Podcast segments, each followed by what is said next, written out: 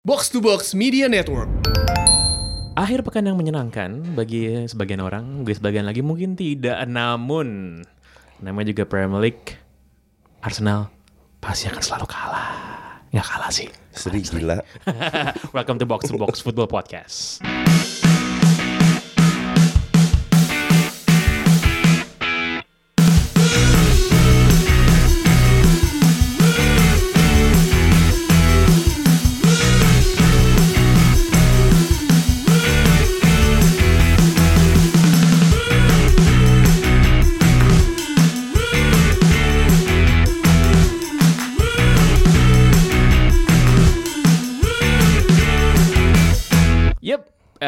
Kan coach.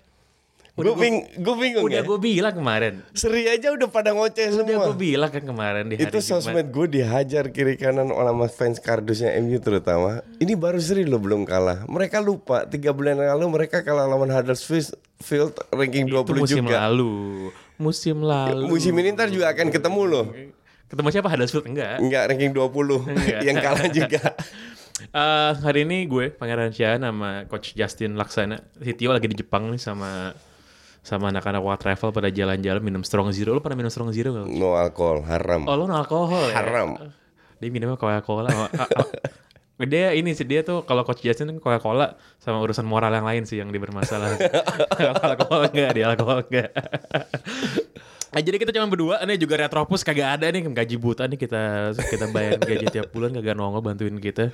Ada beberapa yang mau kita omongin, eh, namun tentu saja Kebal buat gue sih paling seru ya sebenarnya bukan Norwich menang lawan City sih tapi Arsenal nggak bisa mempertahankan eh, keunggulan 2-0 babak, babak pertama yang sangat dominan mereka Eh, gue kira ah udah udah kelar sih pertandingan terus di babak kedua ada berapa faktor sih tapi menurut gue fa- faktor yang paling kentara adalah eh, substitutionsnya Unai Emery jelek banget. Ya. dia dia masukin siapa aja? Rice Nelson, Joe Willock sama Torreira. sama Torreira. Eh, dia masukin Torreira pas 2-1 kan? J- ya, jadi lini tengah itu diganti semua. ganti semua. Dan Ceballos diganti. Ya, Ozil sama diganti Ozil, ya ya. Ozil diganti gitu. Dan bener-bener udah hilang gitu aja kontrolnya Arsenal ke lini To- tengahnya totally hilang. Watford. Hilang hilang. totally hilang hilang. banget. Ke gue kasih nama Aubameyang sih. Dia tuh kurang kurang pol apa coba mainnya Iya. dia berapa gol 14 gol dalam berapa pertandingan gitu apa Iya, 11 gol dalam, ba- dalam 14 kalau Banyak lah pokoknya. iya terus tetap aja timnya nggak bisa menang ya Ya gitulah namanya tim dalam proses. Cuman gue tidak, gue lihat ada perkembangan perubahan dibanding musim lalu. Tapi gue lihat defense masih kacau. Cuman di sisi lain gue juga berpikir ya, karena gue baca di Twitter banyak orang bilang kritik stra- strateginya. Bahkan ada yang bilang pemain mempertanyakan strateginya eh, Unai Emery.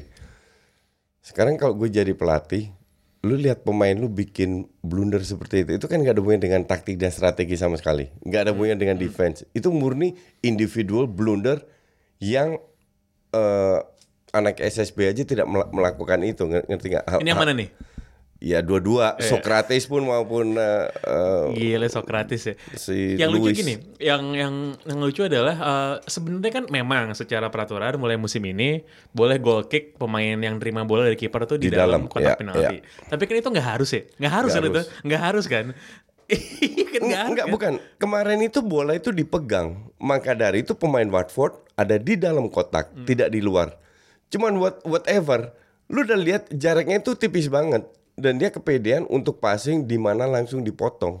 Jadi ada yang ngitung dari siapa siapa yang ngitung pokoknya ada yang ngitung dari Sky atau dari BBC. Jadi Arsenal tuh punya 46 detik untuk ngambil goal kick itu. Jadi itu Iya. bener Lama. mikir dulu tuh. Lama, Iya, lama, lama, lama. Kayak ini oke ini bola mau dipasing ke mana antara yang terima di mana Iya. kan. Jadi Arsenal punya 46 detik untuk melakukan goal kick itu dan ternyata so Socrates masih salah. Dia sebenarnya bukan salah passing sih. Dia nggak ngelihat. Dia nggak ngelihat. si Kan Deleuze. tolol. Iya, iya. Padahal Gundosi sudah melakukan hal yang benar. Dia berada dalam posisi yang dia bisa dipasing.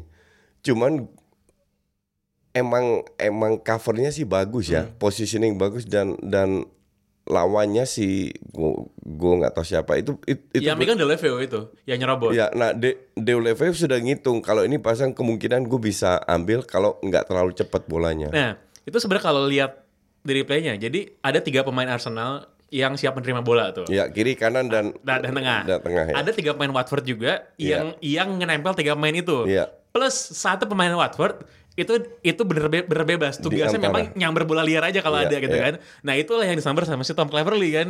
Iya. Gitu. Nah dua satu. Cuman gue pikir-pikir kayak gini-gini biasanya Arsenal ntar tiga satu menang nih. Kan? Iya kan? betul. Iya kan? Pikiran gue juga begitu. Cu- kan? Cuman di di luar kesalahan blunder ya, yang gue lihat, em, I mean tim yang unggul 2-0 ke Uber 2-2 itu hampir tiap minggu terjadi.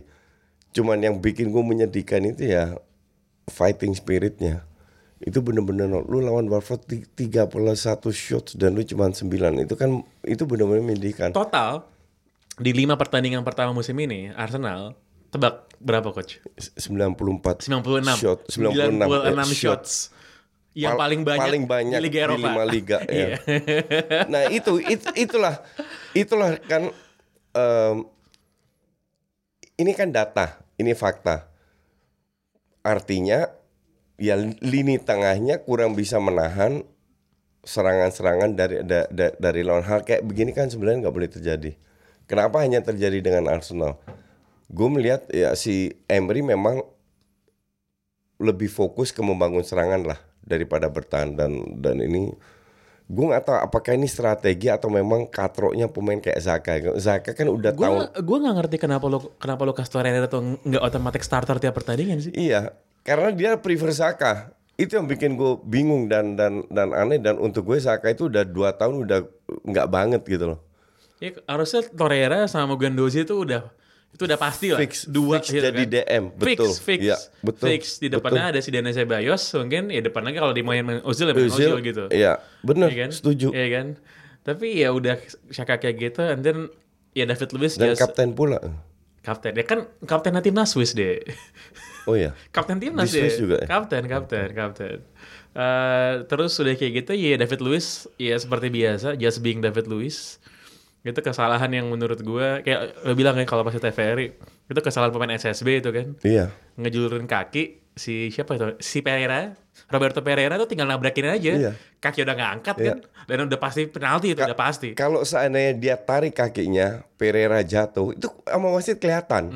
Dan pasti kasih kuning untuk diving. Hmm. diving Iya kan? iya iya Di samping itu, di belakang itu masih ada 3-4 pemain Arsenal. Iya, Jadi iya. there's no need untuk melakukan hal stupid kayak begitu tuh.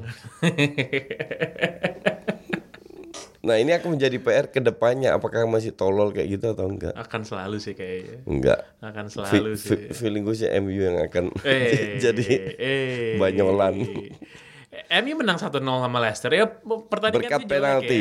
ya. Yang penting yang penting sekarang di atas dari Arsenal Iya, enggak enggak enggak poin sama. di, di atas menang gol doang. Menang gol. menang gol doang, poin sama. peringkat tempat sekarang peringkat tempat dan itu sampai akhir musim gak akan berubah lagi tuh kira-kira Iya, ngarep aja terus.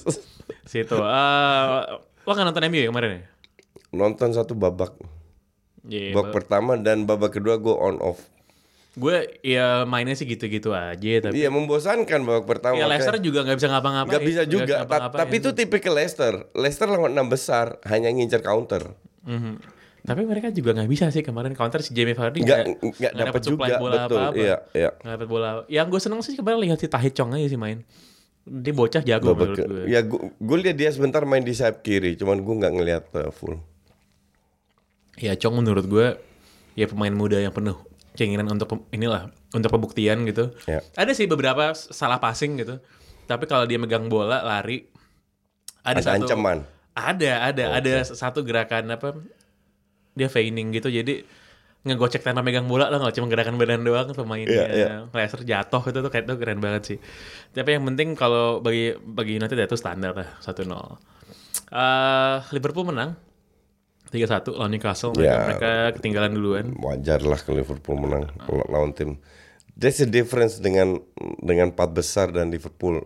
Liverpool City selalu main itu apa namanya? Selalu konsisten lah.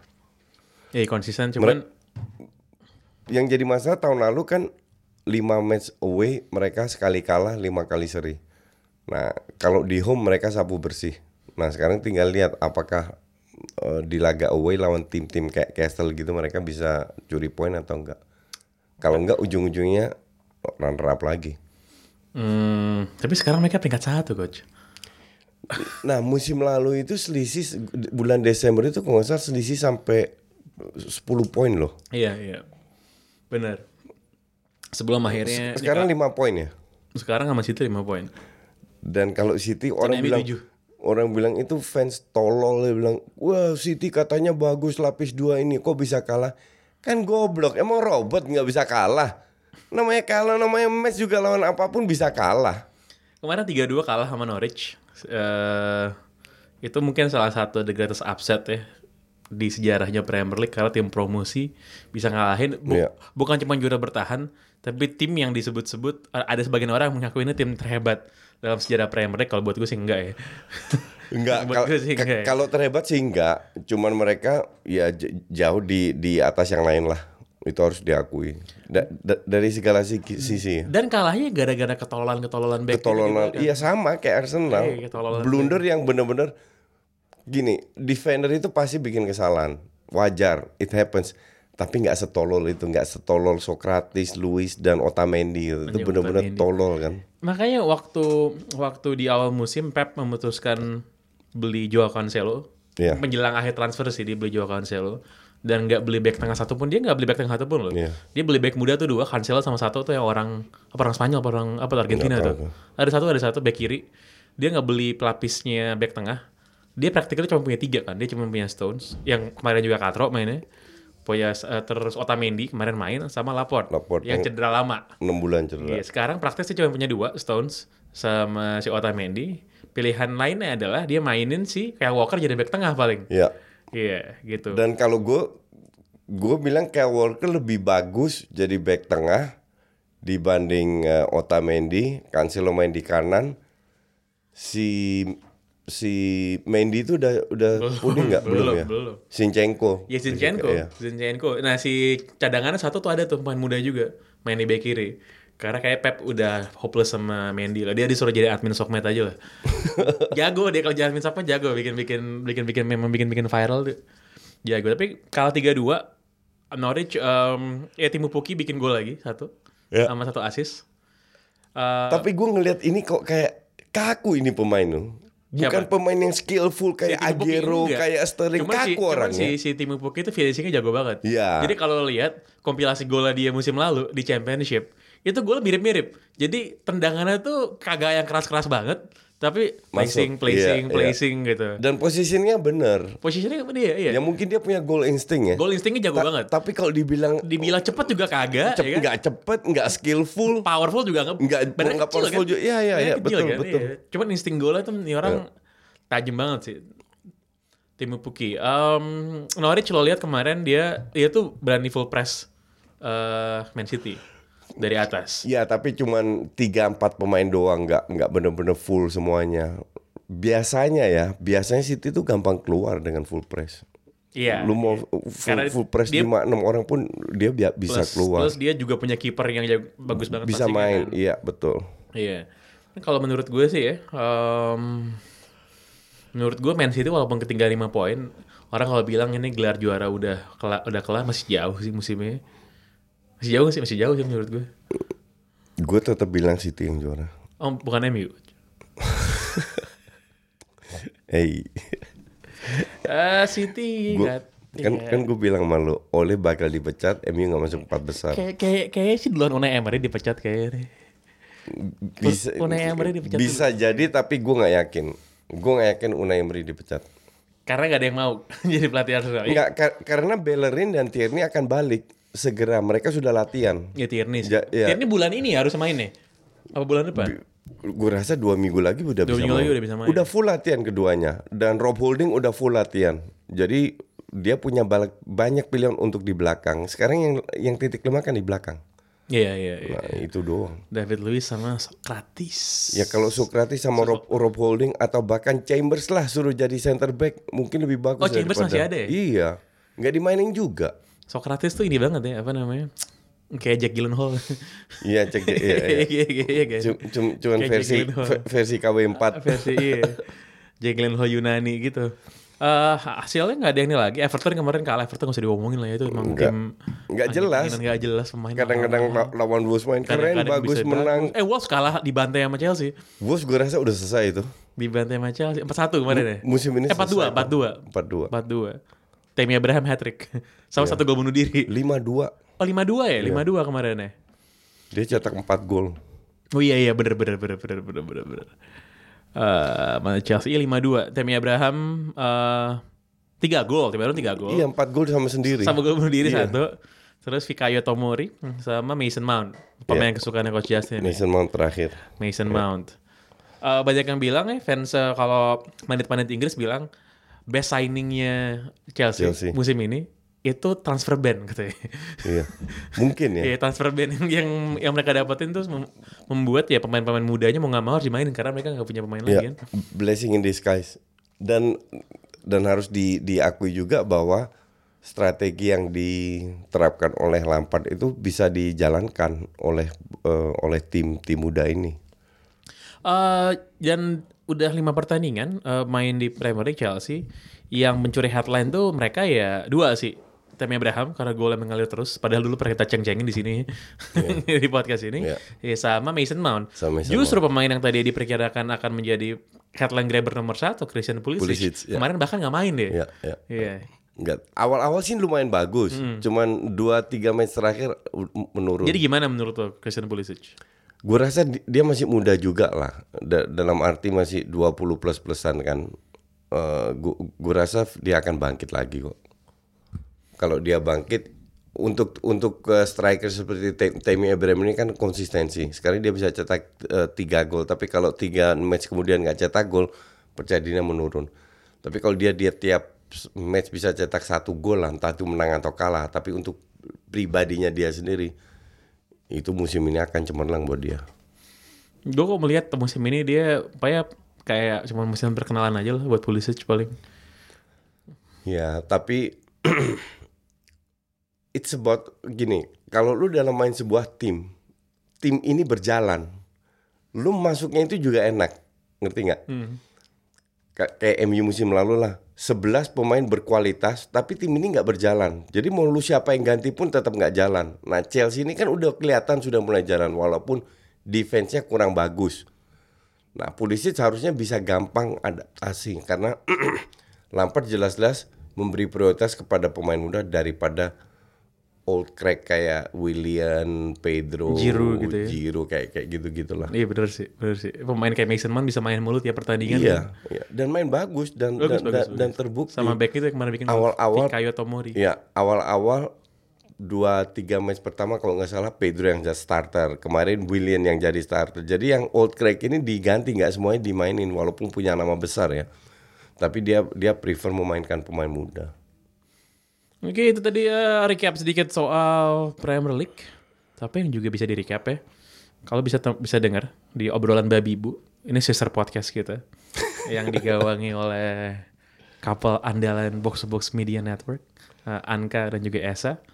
Ah lo bisa dengerin tuh yang mereka omongin di babi bu soal serangan copet digital. ada sering tahu kan kalau misalkan ada orang tiba-tiba SMS eh minta uh, ataupun nelpon minta Hmm. Iya, OTP iya, iya, atas iya. nama ini gitu. Iya, kan. iya, iya, iya. Nah itu sebenarnya yang disalahgunakan. Jadi um, seberapa canggih se- uh, sebuah sistem itu nggak bisa uh, menghandle namanya social engineering. Oh.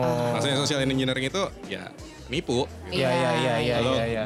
uh, ada orang pura-pura bilang dari dana gitu, Ah. lo dapat hadiah, terus Iya, lo iya. dikirimin OTP, dibilang. gitu. Ah, ngomongin masalah OTP ini bentuk proteksi apa sih yang bisa yang bisa misalnya gue gue lakukan gitu ya karena kan si copet digital ini aka Cody ini kan makin hari makin pinter nih Ya. Iya. Terus kayak bahannya karena lebih pintar dia daripada kita. iya Gitu. kayak gimana tuh nggak Kalau dari dari dana sendiri kita ada program namanya kan uh, dana protection. oke Dana protection itu basically uh, bentuk komitmen dana Mhm. untuk menjamin kalau misalkan kita nyebutnya ada dua resiko. Oke. Pertama itu account takeover. Account Oke. takeover itu maksudnya ada orang lain bisa ngakses akun lu nih. hmm Itu kita ganti, ganti rugi full. Nah, balik lagi di Box to Box Football Podcast eh, minggu ini dimulai kompetisi sepak bola paling bergengsi di Eropa, UEFA Europa League. Yes. di mana eh, tim-tim hebat akan bermain ya di kompetisi terhebat ini. Arsenal lawan siapa coach? Arsenal lawan Eintracht Frankfurt. Apa yang Frankfurt? Gue siaran itu. Oh siaran itu. Ya. Sementara juara Europa League musim ini Manchester United akan melawan siapa MU? MU lawannya gak jelas ya kalau nggak salah deh. MU itu lawannya Astana. Oh ya Astana. Astana, Astana Giri Bangun kalau kata kalau kata Retropus, tim dari Kazakhstan. Arsenal lawan Eintracht Frankfurt. Em, ini akan jadi kompetisi prioritas bagi Arsenal nggak sih? Eh, ya, I think so. Karena em, yang juara kan bisa masuk ke apa namanya Champions League. Dan tahun lalu mereka masuk final. Jadi pasti feeling gue sih mereka pengen masuk final dan men- menjuarai lagi. Karena nggak yakin masuk empat besar ya. Enggak karena lebih gampang aja. Dan cari duit kan, ta- tambah jauh lu ber- berprestasi kan tambah banyak duitnya, income-nya. MU lawan Astana ya. men. Ya kalau buat kalau buat gue sih kayak, kayak penting-penting banget. Europa League itu baru penting kalau ntar udah masuk semifinal tuh. Iya gitu. betul. Ka- Kalau- ka- kalau- karena tim-tim ini pasti lolos. Iya. Kalau sekarang yang di awal-awal grup ini ya nggak lolos juga nggak apa-apa lah gitu kan. yang ntar kalau yang ternyesek. Sementara di kompetisi kasta kedua di Eropa, Champions League. Itu juga dimulai. Um, lo siaran juga coach juga? Gue siaran Dortmund Barca. Itu seru tuh harusnya. Ya. Pelatih Dortmund kan siapa? Eh, Lucien Favre itu ya? Lucien Favre. Lucien Favre. Swiss ya. Swiss dia. Iya. Swiss ya. Itu itu besok apa ntar malam? Ntar, Ntar ya? malam, Oh, ntar ntar, ya? malam, ntar malam gua Ntar- siaran. Ntar lo siaran ya. Gue siaran di Jebret dulu, dari Jebret ke Lo siaran Champions di UCTV? UCTV Lo sama siapa? sama Stewart. Oh Mas Stewart, oh, Mas Stewart. Ini ada Dortmund Barcelona, ada Napoli Liverpool. Ya. Ini Napoli nggak menang sih musim lalu sama Liverpool. Kalau mereka menang nggak nggak bakal juara ke Liverpool. Musim lalu di itu mereka menang kan? Menang pas mainin Napoli menang. Iya main di Napoli Iya, iya, menang iya. dan Liverpool main di Red Star Belgrade kalah, Kalah, juga. kalah, kalah, kalah. Jadi away-nya nggak terlalu bagus Iya, Liverpool. iya, iya, iya. Liverpool juara bertahan nih. Eh, Champions League nggak usah diomongin lah. City ketemu siapa? City. City ketemu bentar. Yang jelas ada berapa match bagus. City ketemu Shakhtar Donetsk. Oh, ATM ketemu Juve. Nah ini ini akan menjadi menjadi untuk gue ya menjadi pertandingan yang penting untuk kedua tim. Apakah Juve tetap bisa bersaing? Karena musim lalu kan mereka kalah 3-0 dan akhirnya menang di kandang sendiri. Dan ATM apakah mereka eh, dengan banyak pemain baru ini bisa apa bisa bisa membuktikan lebih bagus daripada itu. Match yang main gue tonton tuh besok. Dinamo Zagreb lawan Atalanta. Martin Deron sama Hatebur. Martin Deron tuh jago, bagus banget di ini. Di Twitter ngehe banget ya. Dia kayak di post foto kan sama akun Champions League. Iya. Foto Atalanta, terus fotonya dia. Mukanya lagi nggak jelas gitu, lagi ngerebut bola gitu. Terus dibalas sama dia, lu dari semua foto mau kenapa pakai foto yang gitu sih katanya gitu. Dan Martin Deron tuh main timnas ya? Main timnas. Main timnas ya? Iya, Starter. Starter, starter dia bahkan. Iya. Starter. ya? Wijnaldum, De Roon sama Frankie De Jong. Martin Deron. Si Hatebur belum ya? Belum Hateboer timnas ya? belum. Belum. Ya? Cadangan, cadangan. Dipanggil juga tapi. Panggil cadangan. Dia tuh bek kanan ya? Bek Hateboer? kanan, ya. Bek kanan Hatebur. Bek kanan banyak. TT aja masih belum dipanggil. Feldman lagi bagusnya. Dumfries sekarang main. Belum Yanmat. Ada lima Iya, juga banyak ya. yang yang lumayan bisa bersaing. Ya, apalagi nih tim Chelsea lawan Valencia, Inter Milan lawan Slavia Praha. Yang gede-gede itu sih Dortmund Barcelona. Uh, Atletico Madrid Juventus, PSG Madrid, Real Madrid. PSG Real Madrid, oh PSG Real Madrid juga Itu seru tuh. Itu besok ya? besok besok. Gue nggak tahu kenapa PSG Real Madrid gue nggak tertarik nontonnya. Iya sih. Gue sih gue pengen liat Real Madrid dibantai aja. Sama PSG. Iya. Nggak bakal kejadian gitu. nggak bakal kejadian justru orang berpikir tidak bakal kejadian karena PSG tim yang nggak terlalu bagus juga kan sekarang nah seninya kan di situ tim yang nggak terlalu bagus ngebantai lo Neymar udah main lagi loh sih ke mana? Udah ya? sudah sudah Udah, udah ya? Ke- ke- ke- kemarin lawan lawan Ren atau Anse dia cetak gol loh 1-0 di menit 90-an atau 89 cuman pas ya gitu pas di lapangan masuk udah di di chain yang yang negatif gitu Bis, tapi kalau pemain kayak Neymar tuh emang susah sih. Kayak dia itu kan sebenarnya udah pengen cabut ya. Dan hubungan emosional sama fansnya juga udah ini udah hilang kan. iya Terus dia stay di situ. cuman kalau seandainya dia musim depan nggak cabut, harga itu akan menurun terus. Dan dia dia tidak akan mau menurunkan gajinya.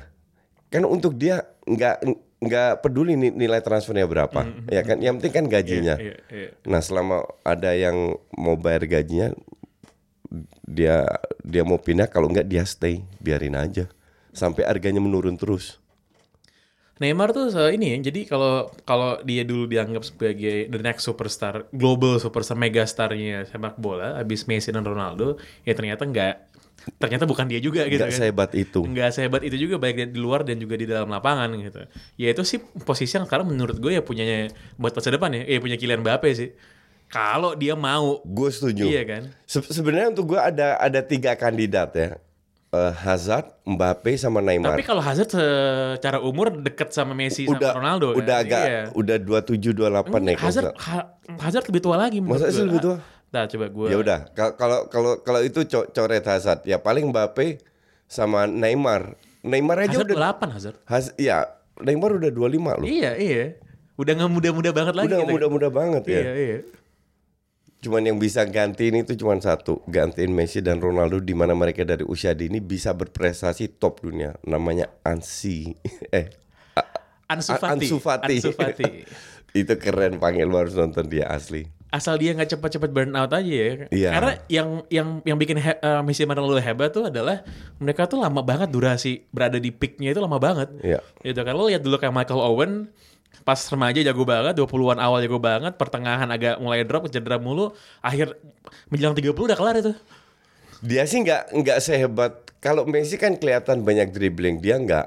Dia dia bukan tipe dribbling dan dan kemarin dia juga bukan pemain yang terbaik karena dia dikasih uh, peluang untuk uh, 60 menit bermain. Tapi dia salah satu yang bisa adaptasi lah dan definitely bukan pemain yang ter- pemain yang terburuk kemarin. Jadi gampang banget adaptasi ini anak. 16 tahun loh. Dia 16 umurnya. Iya. 16 ya. Lahir tahun 2003. Sebenarnya sama waktu wak- waktu Seedorf main pertama kali di Ajax, debutnya itu 16 tahun. 16 juga. Iya. Cuman memang nggak begitu banyak main dan dia 19 tahun sudah ke Sampdoria. Oh dia tuh sebelum ke Milan Sampdoria dulu ya? Dari Sampdoria ke Madrid kan. Oh terakhir, oh iya sorry. Dari Madrid baru dia ke Milan. Baru dia ke Milan. Iya, iya, ya. iya, iya. Tapi 19 udah di Sampdoria dan dan dia bilang 19 pada saat dia ke Sampdoria dia udah tinggalnya di Castle loh. Pas di mana nih? Sampdoria. Pas Sampdoria. Ya. Dia bilang gimana 19 terus terus 21 kan ke Madrid. Di, sejelek-jeleknya sih Dor, dia menang 4 kali Champions League dengan 4 klub yang berbeda. Oh iya Madrid, Ja- Milan. jadi nggak Apa sejelek ya? itu. Ajax, Madrid, Milan. In- Inter terakhir. Inter ya? Oh pas Inter tuh dia ada situ ya? Eh enggak, enggak. Ajax, Madrid, Milan. Milan, satu lagi apa ya? Emang dia pernah? emang coba kita lihat. Coba kita tanya Google bentar.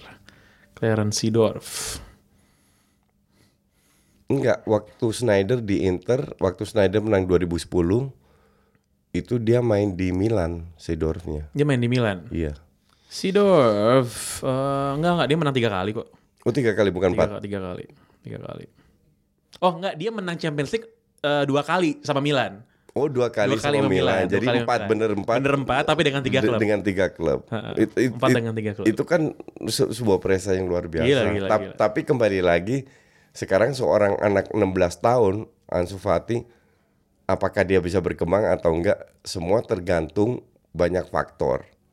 Juga dari keluarganya, juga dari sifat ini anak sombong atau tidak. So far sih kelihatan anak ini low profile. Lu lu kan nggak tahu tiba-tiba dia umur 18 dapat first pro contract yang pasti tinggi banget, tinggal lakunya kayak Pogba. Ng- Ngerti nggak maksud gue? Yang lebih heboh di luar daripada di dalam. Nah itu itu akan menghancurkan. Tapi juga di dalam Barcelonanya membimbing dia seperti apa. Kalau dibimbing kayak Messi dulu, ini pemain jadi top. Mungkin tidak selevel Messi atau Ronaldo, tapi bisa jadi salah satu pemain Ya, tapi kan juga model-model kayak si Gerard Deulofeu sama Boyan Krkic kan juga umur segitu juga kan. Iya, Mereka tapi- pas breaking first team. Iya, tapi nggak terlalu bagus, udah kelihatan. Enggak kalau De Deleveo Kerkis udah 18 19 lah. Nggak si Boyan Krkic itu itu itu top goal scorernya Barcelona B sepanjang masa loh. B. B. B, iya. Iya, Iya. mungkin. Ya, makanya dia di di dipromosiin kan. Iya. Taruh di first team. Ansu. Fati ini nggak main di B loh. nggak main di B. Nggak main di B, nggak pernah main di B dia. Jadi langsung dari akademi. Langsung dari akademi. Gokil. Ka- karena sehebat itu berani dan sama sekali nggak kelihatan bahwa ini ini anak baru 16 dan baru bermain. Terima bolanya, timing passingnya, positioningnya keren banget. Nah itu yang membuat gue optimis karena itu kan masalah visi, pang. Lu bisa ajarin di, di latihan sebanyak mungkin. Kalau lu nggak nangkep, ya susah juga. Kalau ini bener-bener kayak gol yang di gol pertama yang dia dia cetak yang asis dari De Jong itu bener-bener timing positioning itu tepat banget. Nggak bisa diantisipasi sama defender. Kenapa ini ya? Kenapa kenapa Barcelona selalu punya pemain kayak gini? Yang memang nggak selalu semua sukses juga sih. Banyak yang nggak sukses. Banyak apalagi ya se- sebenarnya jebulan lama sih ya beberapa tahun terakhir nggak ada yang oke. Nggak kan? ada oke. Apalagi striker gitu di depan Ya. nggak ada yang oke kan. Bapuk Tapi kalau Barcelona eh kalau Real Madrid nggak pernah punya nggak sih ginian? sekarang kan baru-baru ada kayak Asensio, Asensio, eh, si- siapa? Lucas Va- Vazquez. Vazquez. Ah. Nah itu terus eh, Ceballos. Sebenarnya dari Real Betis. bukan ya, Betis ya? Dari Real Betis. Terus ada beberapa lah yang yang baru cuman ya di Madrid mereka Kan nggak kalau Madrid itu kan. Alvaro Morata atau gitu kan. Iya iya iya. Siapa tuh dulu ada lagi strikernya? Javi Portillo gitu kan. Nggak ke mana-mana Portillo itu. ke mana itu? Nggak tahu terakhir ke mana. Dia kan pernah main, pernah main di Italia tuh. way to win juga. Javi Portillo. eh iya, Alvaro Morata Yang, terakhir. yang terakhir mungkin Butragueño ya, Ini lama banget ya. yang bener-bener dari Madrid tuh. Terakhir Guti lah. Guti ya. Guti sama Raul. Oh Raul. Raul, ya, Raul, ya, Raul. ya, ya, Raul, Guti. Eh Guti itu Madrid kan kalau nggak salah. Iya, iya, Setahu gue Madrid. ya. Iya, iya. Eh bu- bukan Sevilla. Apa Sevilla? Kalau Sevilla tuh si Sergio Ramos. Ramos, iya, gua Sergio tahu. Ramos, Sergio Ramos. Sergio Ramos. Sergio Ramos juga apa namanya? Eh, kokil sih itu orang. Tapi nonton Enggak, dia Real Madrid deh. Si Guti Real Madrid. Madrid. Madrid. Dari Madrid C, dari akademi nih. Nah, sama kayak Barca. Ba Barca setelah golden generationnya Xavi, Iniesta, Busquets, Pique, Alba ny- nyaris nggak ada yang keluar lagi. Yang sama Madrid juga zamannya Raul, Guti itu udah nggak ada yang yang muncul lagi dari youthnya. Ih, nggak ada sama sekali loh. Iya. Sekarang ya ka- ka- kalau lu bilang Asensio, Vasquez, mereka juga bukan nggak top top amat. Ini belum nyampe situ, belum Iya. nyampe situ. Iya. Belum nyampe situ. Atletico Madrid yang lebih banyak pemain muda yang menurut gue. Yang mereka hasilkan sendiri lah. Walaupun emang udah dijual-jualin lah gitu Iya, kan. iya. Luka Hernandez gitu-gitu kan isinya kan. Madrid itu De Gea sama Courtois kan dari situ. Dari Atletico Madrid. Iya. Iya, iya, iya. De Gea, Ja- ja- sekarang Oblak Torres. Enggak, kalau soal kiper mereka menghasilkan tiga kiper top dunia. Iya, iya, iya. Itu hebat loh itu, beruntun. Iya, De Gea. Courtois. Courtois sama Tapi kan kalau Courtois dari Chelsea. Dari Chelsea. Oh di loan ya. di, di loan dia. Di loan. Dia dulu dari, dari muda tuh. Oh. Dari muda di loan 2 tahun. Pas final Champions League itu kalah. Mana Madrid kan yang main dia tuh. Iya, iya. Si Courtois. Pas lawan iya iya. Pas lawan Chelsea kalau nggak salah dia tuh ini minta special dispensation gitu buat main. Si Courtois. De Gea, iya. Sama striker lah mereka yang jago banget. Sama. Oblak sekarang. Oblak. Ya mas striker. Striker lah dari mulai eh, Torres. Costa, Kalau Costa kan terakhir-terakhir. eh, Forlan dulu Forlan. Forlan, iya. Torres. Aguero. Agüero ya. ya, Falcao. Oh iya, Eh, Fal- Falcao. Fal- Falco top-topnya di, Falcao di ATM. Yang paling gila itu pas di Atletico Iya, Madrid itu iya, kayak iya. menendang dari mana pun Iya, bola iya, kayak ngarep iya, gawang gitu kan. Falcao, Costa, Ter- eh, terus kayak MU jadi bapuk. aduh. Semua yang kayak MU jadi bapuk. Terus Griezmann, oh ya Griezmann. ya. Griezmann. Ya terakhir Griezmann. Lalu Griezmann. Ya, sekarang si Joao Felix ini lah. Iya. Iya, Joao Felix. Wah kemarin waktu kalah ditarik keluar. Ya nggak bisa, lu lu nggak bisa ng- ngarep pemain muda ini ber- berprestasi terus kali, konsisten. Iya, iya. Ta- Teman, orang jago menurut gue sih Joao Felix. Ya gue setuju, Jago, jago, gue setuju, setuju. Dia punya skill, dia punya speed, dia punya shot akurasi yang cukup bagus, goal instingnya juga ada. Cuman ya gitu, kalau timnya merosot nggak bisa ngangkat dia susah juga. Eh, bakal ada kejutan nggak di Champions League weekend ini? Apa?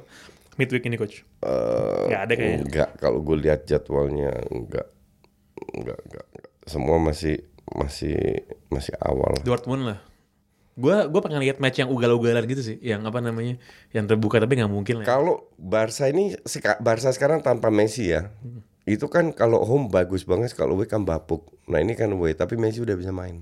Ah, Jadi udah full latihan. Jadi feeling gue emang kemarin nggak dimainin karena eh, disimpan untuk ke malam ini.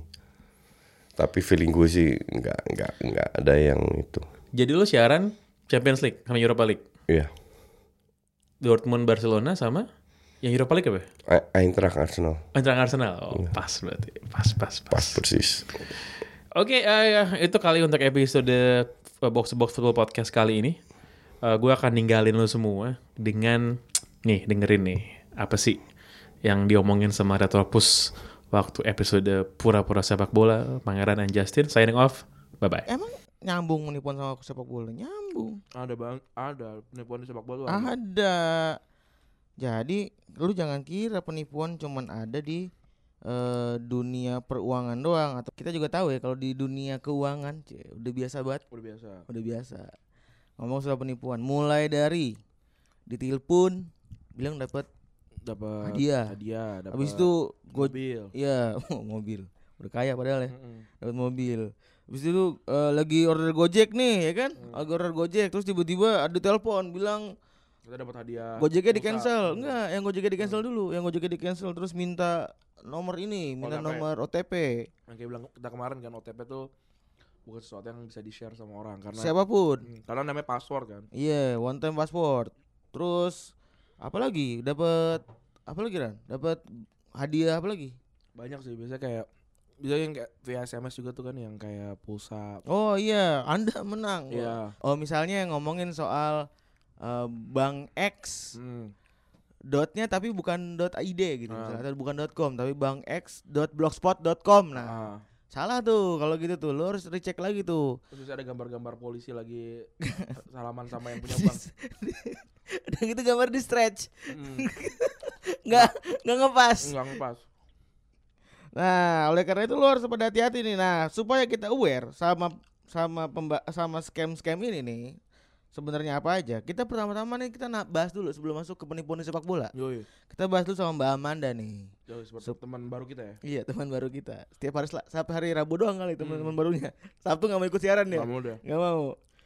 Kita bahas Halo Mbak Amanda.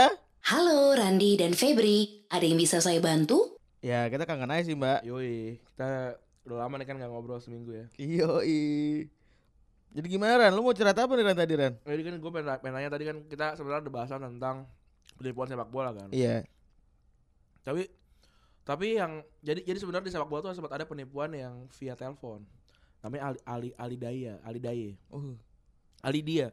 Jadi Ali dia tuh sempat eh, menipu eh, G- eh, Graham Sounds di Southampton oh. itu pakai telepon. Jadi temennya ngaku-ngaku kalau eh, te- eh, dia adalah George Weah. nah, Ali dia ini adalah eh, cucunya eh apa namanya? ponakannya si Ali Ali dia ini, Mbak. Jadi eh, ternyata memang penipuan di sepak bola itu ada juga via telepon. Nah, yang yang kita tahu kan sebenarnya emang penipuan itu yang, paling sering itu emang via telepon ya. Jadi Iya kita digiring kita kita kita digiring kayak gitu. Emang eh, itu sebenarnya benar gak sih kalau kalau itu adalah sebuah motif penipuan yang yang jamak gitu di Indonesia. Randi dan Febri, selalu hati-hati ya apabila kalian menerima telepon mengaku dari pihak dana, dompet digital lain, atau bank. Banyak orang jahat di luar sana yang bisa memanfaatkan kalian jika kalian tidak berhati-hati. Oke mbak Kalau gitu sebenarnya biasanya ciri-ciri penipu kalau via telepon tuh yang kayak gimana ya? Nih, biasanya mereka mengaku dari instansi tertentu. Kemudian mereka akan bilang kalau kamu menang lah, dapat uang lah.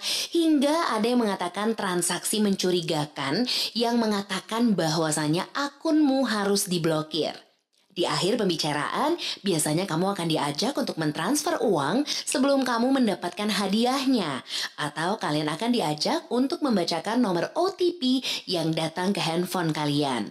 Nah kan, mana ada kalau kita menang undian mah nggak ada yang transfer transfer dulu, dapat uangnya dulu. Iya Dan kalau dipotong pajak pun pajaknya dipotong dari hadiahnya, bukan kita yang transfer pajaknya duluan. Tapi kalau hadiah motor setahu gue itu Ya ada juga sih yang bilang bayar pajak Tapi kan ini harus biasanya ketemu dulu Iya iya. Mana ada bayar pajak via telepon Gak Iya, ada nggak Harus ada. ketemu dulu ngambil Kan juga harus pakai NPWP dan lain-lain kan. Iya makanya Ngeri makanya ya. Kalau misalnya dulu Main bola ini menipu dengan tanpa teknologi. Hmm. Ini orang-orang zaman sekarang kalau misalnya penipuan itu pasti dengan yang udah baik teknologinya, tapi mengandalkan orang-orang yang awam. Yoi. Kayak misal tadi itu, misalnya ada foto eh, Bang XY Hmm. dot blogspot.id ya kan, fotonya ada orang salaman, polisi salaman tuh, Ah, polisi ya Iya, kan? masih polisi. polisi terus eh, salaman terus pakai eh, gelap-gelap pakai apa namanya website yang gemerlap gemerlap tau nggak lu template template Iya, yang pakai sparkling sparkling itu. iya kalau Nah. nggak kalau yang terkenal tuh WhatsApp ya lu WhatsApp WhatsApp ya. Kami dari WhatsApp ya. Wa- iya, WhatsApp. memberikan anda hadiah WhatsAppnya what, what strip up gitu. gitu, iya gitu, bangsat gitu. ya kan Nah, iya. nah Ya gitu. Jadi eh sel- tadi kan kita kita udah ngomong tentang si eh, penipuan di sepak bola nih. Nah, kita apa namanya kita akan ngobrol lagi sama Mbak Amanda tentang penipuan tentang uang lagi nih. iya Yoi. Ya tadi kita udah cerita nih tentang penipuan yang ada di sepak bola. Iya, serem memang. Uh. Di mana-mana kita sih harus ini sih mewaspadai penipuan ya, nggak nggak cuma di, di bola, iya di di mana-mana iya di mana-mana. Betul sekali Randi. Makanya kamu harus lebih berhati-hati ketika melakukan transaksi yang berhubungan dengan duit. Nih, aku kasih tips ya supaya kamu terhindar dari scam atau copet digital yang biasa beroperasi via telepon. apa aja tuh mbak Yang pertama, kalau ada yang nelpon ngasih tahu dapat hadiah, keluarga kecelakaan atau masuk kantor polisi, atau juga info kalau ada transaksi mencurigakan atas nama akun kamu, jangan langsung panik. Karena ketika kalian panik, justru itu menjadi makanan empuk bagi para penjahat ini. Jadi, usahakan tenang ya. Oh gitu, tenang aja Mbak. Kita mah eh, udah tahu kalau ditelepon sama Codi tuh. Jadi Jody Codi, Codi copet ditinggal mati, kan? copet digital. Nah, nggak ada ada nggak sih tips-tips biar kita aman kalau dari telepon tipu-tipu? Ada dong, caranya gampang. Jangan pernah kalian berikan nomor OTP yang dikirim ke handphone kalian kepada siapa pun. Ingat, OTP adalah kunci. Begitu ada yang telepon lalu meminta nomor kamu dikirim ke SMS kalian, itu pasti menipu. Kalian tahu nggak kalau sebenarnya kalian disarankan untuk menggunakan PIN yang berbeda di tiap aplikasi digital wallet atau perbankan yang kalian punya. Plus, hindari kombinasi PIN yang mudah ditebak oleh para copet digital. Misalnya, tanggal lahir, tanggal jadian, atau nomor telepon mantan. Itu sangat mudah ditebak oleh para codi. Oh ternyata cukup gampang ya eh, ten- eh, untuk menanggulangi si codi-codi itu ya.